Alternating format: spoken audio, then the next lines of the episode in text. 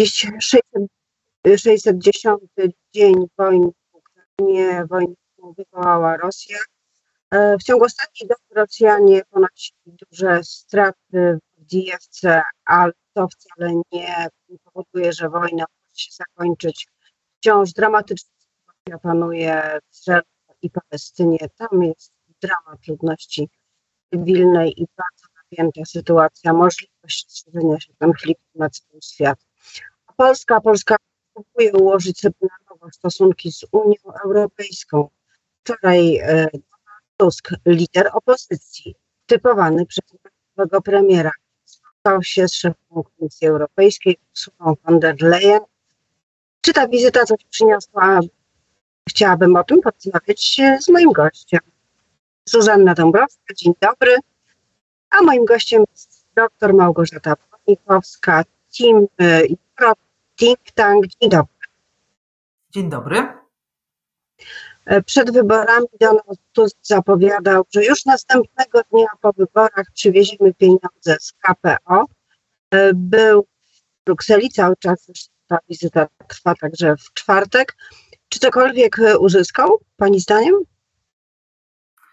Oczywiście to była figur, figura taka retoryczna, mówienie, że z dnia na dzień uda się tutaj odblokować coś. Jedna wizyta ani jeden dzień nie pomogą, natomiast na pewno mogą przygotować grunt do uruchomienia środków, jak tylko rząd nowy w Polsce zostanie uformowany. No ale tego rządu jeszcze nie ma, więc pierwszym problemem jest w ogóle sformułowanie rządu, bo to może mieć wpływ na procedowanie w związku z Krajowym Planem Odbudowy. Dlaczego? Dlatego, że poprzedni rząd Prawa i Sprawiedliwości zawnioskował o zmianę e, w Krajowym Planie Odbudowy, o zwiększenie pożyczek i to istotne zwiększenie do 34,5 miliarda euro. I na takie zmodyfikowanie planu musi się zgodzić oczywiście Rada Unii Europejskiej, ale żeby się zgodziła, to Komisja Europejska musi przedstawić taką rekomendację. I to się wszystko musi odbyć w listopadzie, żeby ostatnia Rada, Rada Ministrów Finansów w grudniu mogła taką decyzję podjąć. Pytanie, czy wtedy będziemy mieli polski rząd i y, czy Rada, a więc przedstawiciele rządu, przypomnijmy, to jest Rada Ministrów, musi być minister finansów na tej Radzie, no, z nowego rządu dadzą taką rekomendację.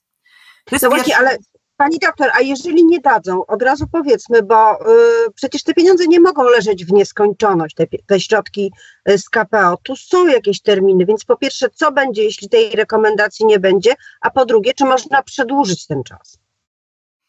Jeśli Komisja Europejska nie da rekomendacji, to stoimy na y, planie, który mamy, czyli mniejsze pożyczki i 22,5 miliarda dotacji nadal nieuruchomionych. I wtedy mamy tam zapis, że żeby to uruchomić, musimy mieć ustawę, która eliminuje y, główny kamień milowy, ten super kamiel tak zwany, czyli uniezale, y, uniezależnia sędziów, bo obecnie oni uznawani są, że nie są niezawiśli w polskim systemie.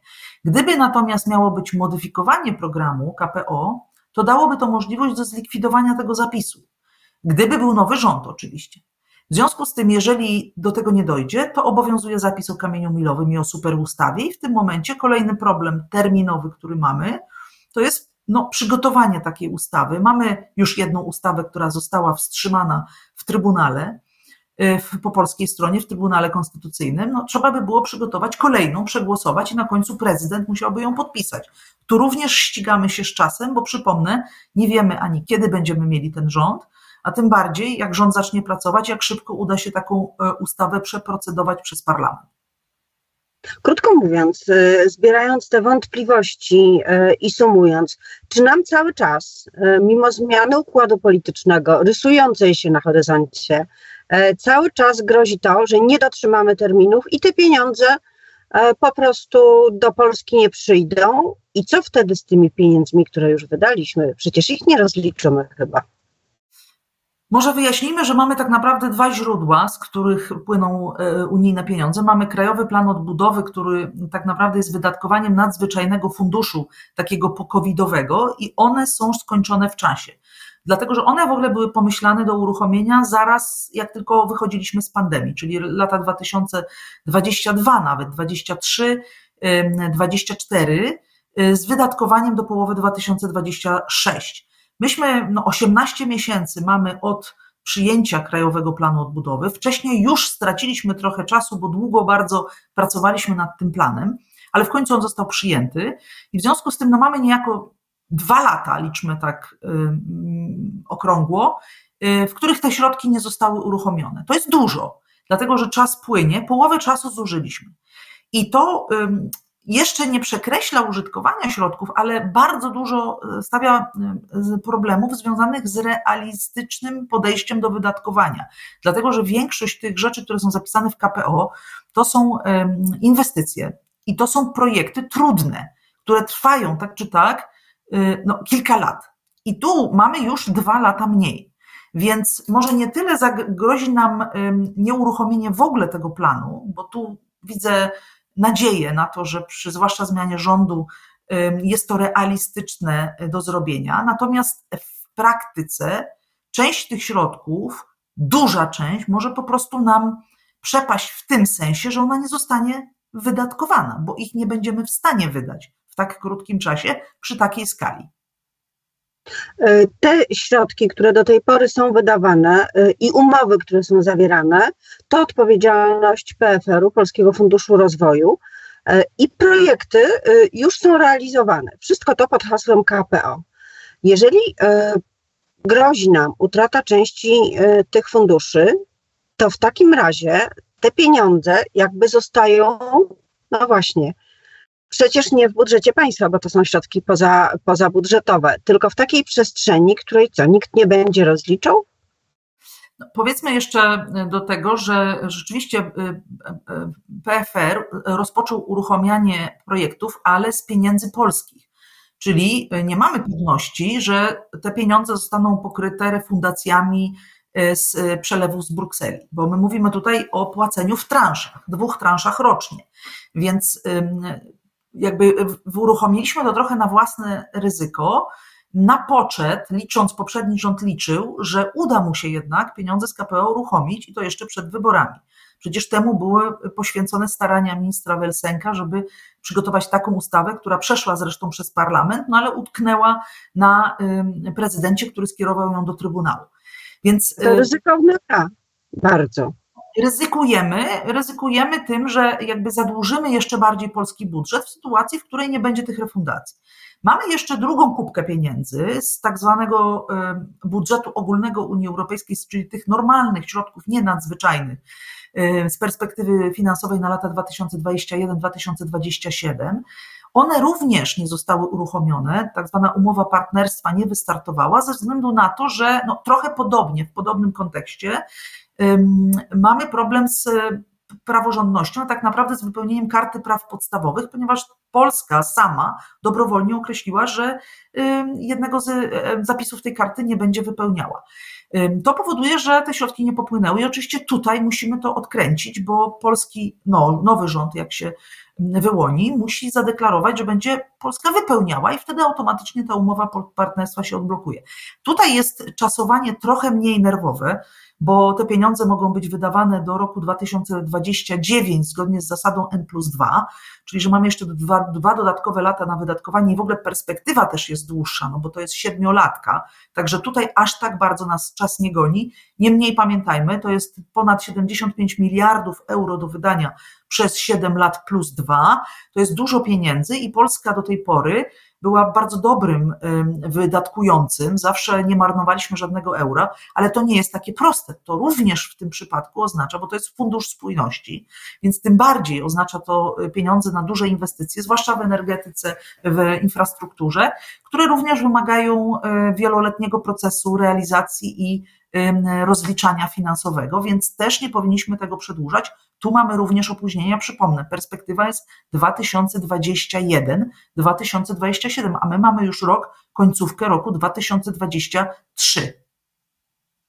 Mówiłyśmy o konkretnych liczbach i funduszach, to teraz e, zapytam Panią o coś, co jest mniej konkretne, bo zapytam o atmosferę i możliwość bycia elastycznym ze strony Komisji Europejskiej, bo to jest bardzo ważne w polityce, te miękkie, miękkie okoliczności podejmowanych twardych, twardych decyzji. Jest jasne, że Donald Tusk jako e, członek IPL e, większości rządzącej Unią, posiadającą większość w Parlamencie Europejskim, jest dobrze przyjmowany. Ale jak to się przekłada na możliwości negocjacyjne i tę właśnie elastyczność Komisji? To jest rzeczywiście bardzo istotne, dlatego że jest to kwestia zaufania.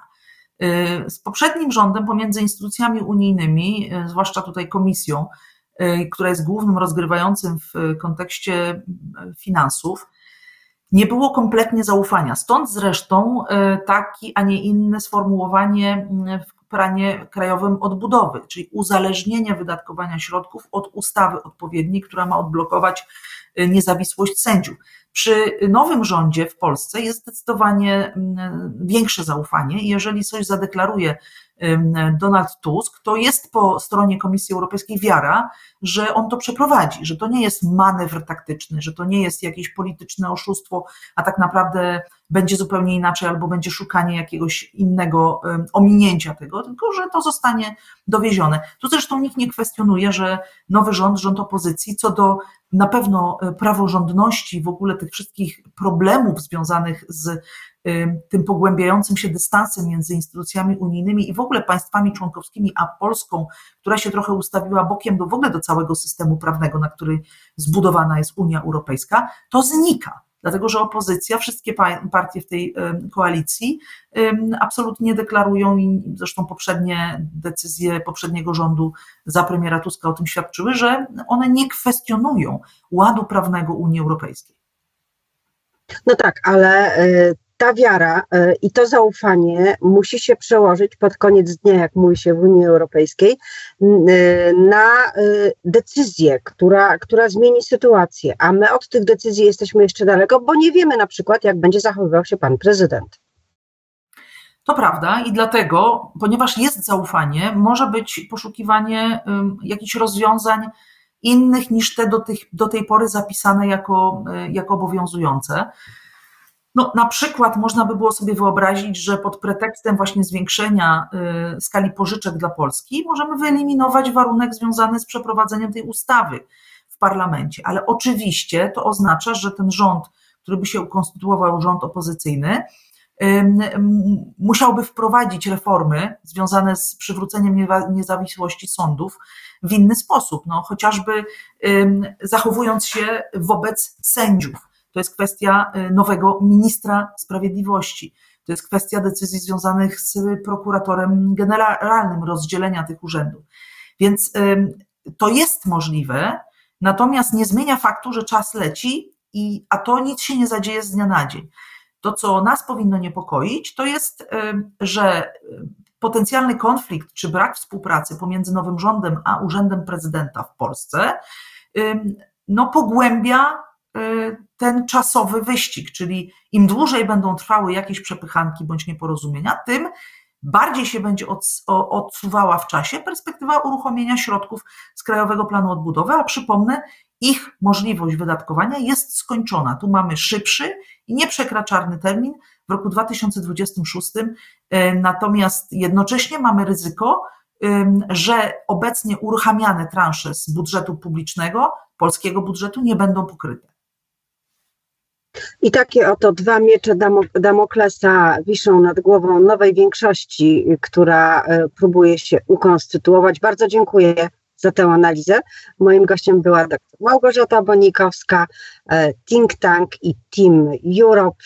Dziękuję bardzo pani doktor i życzę państwu miłego dnia. Wzajemnie.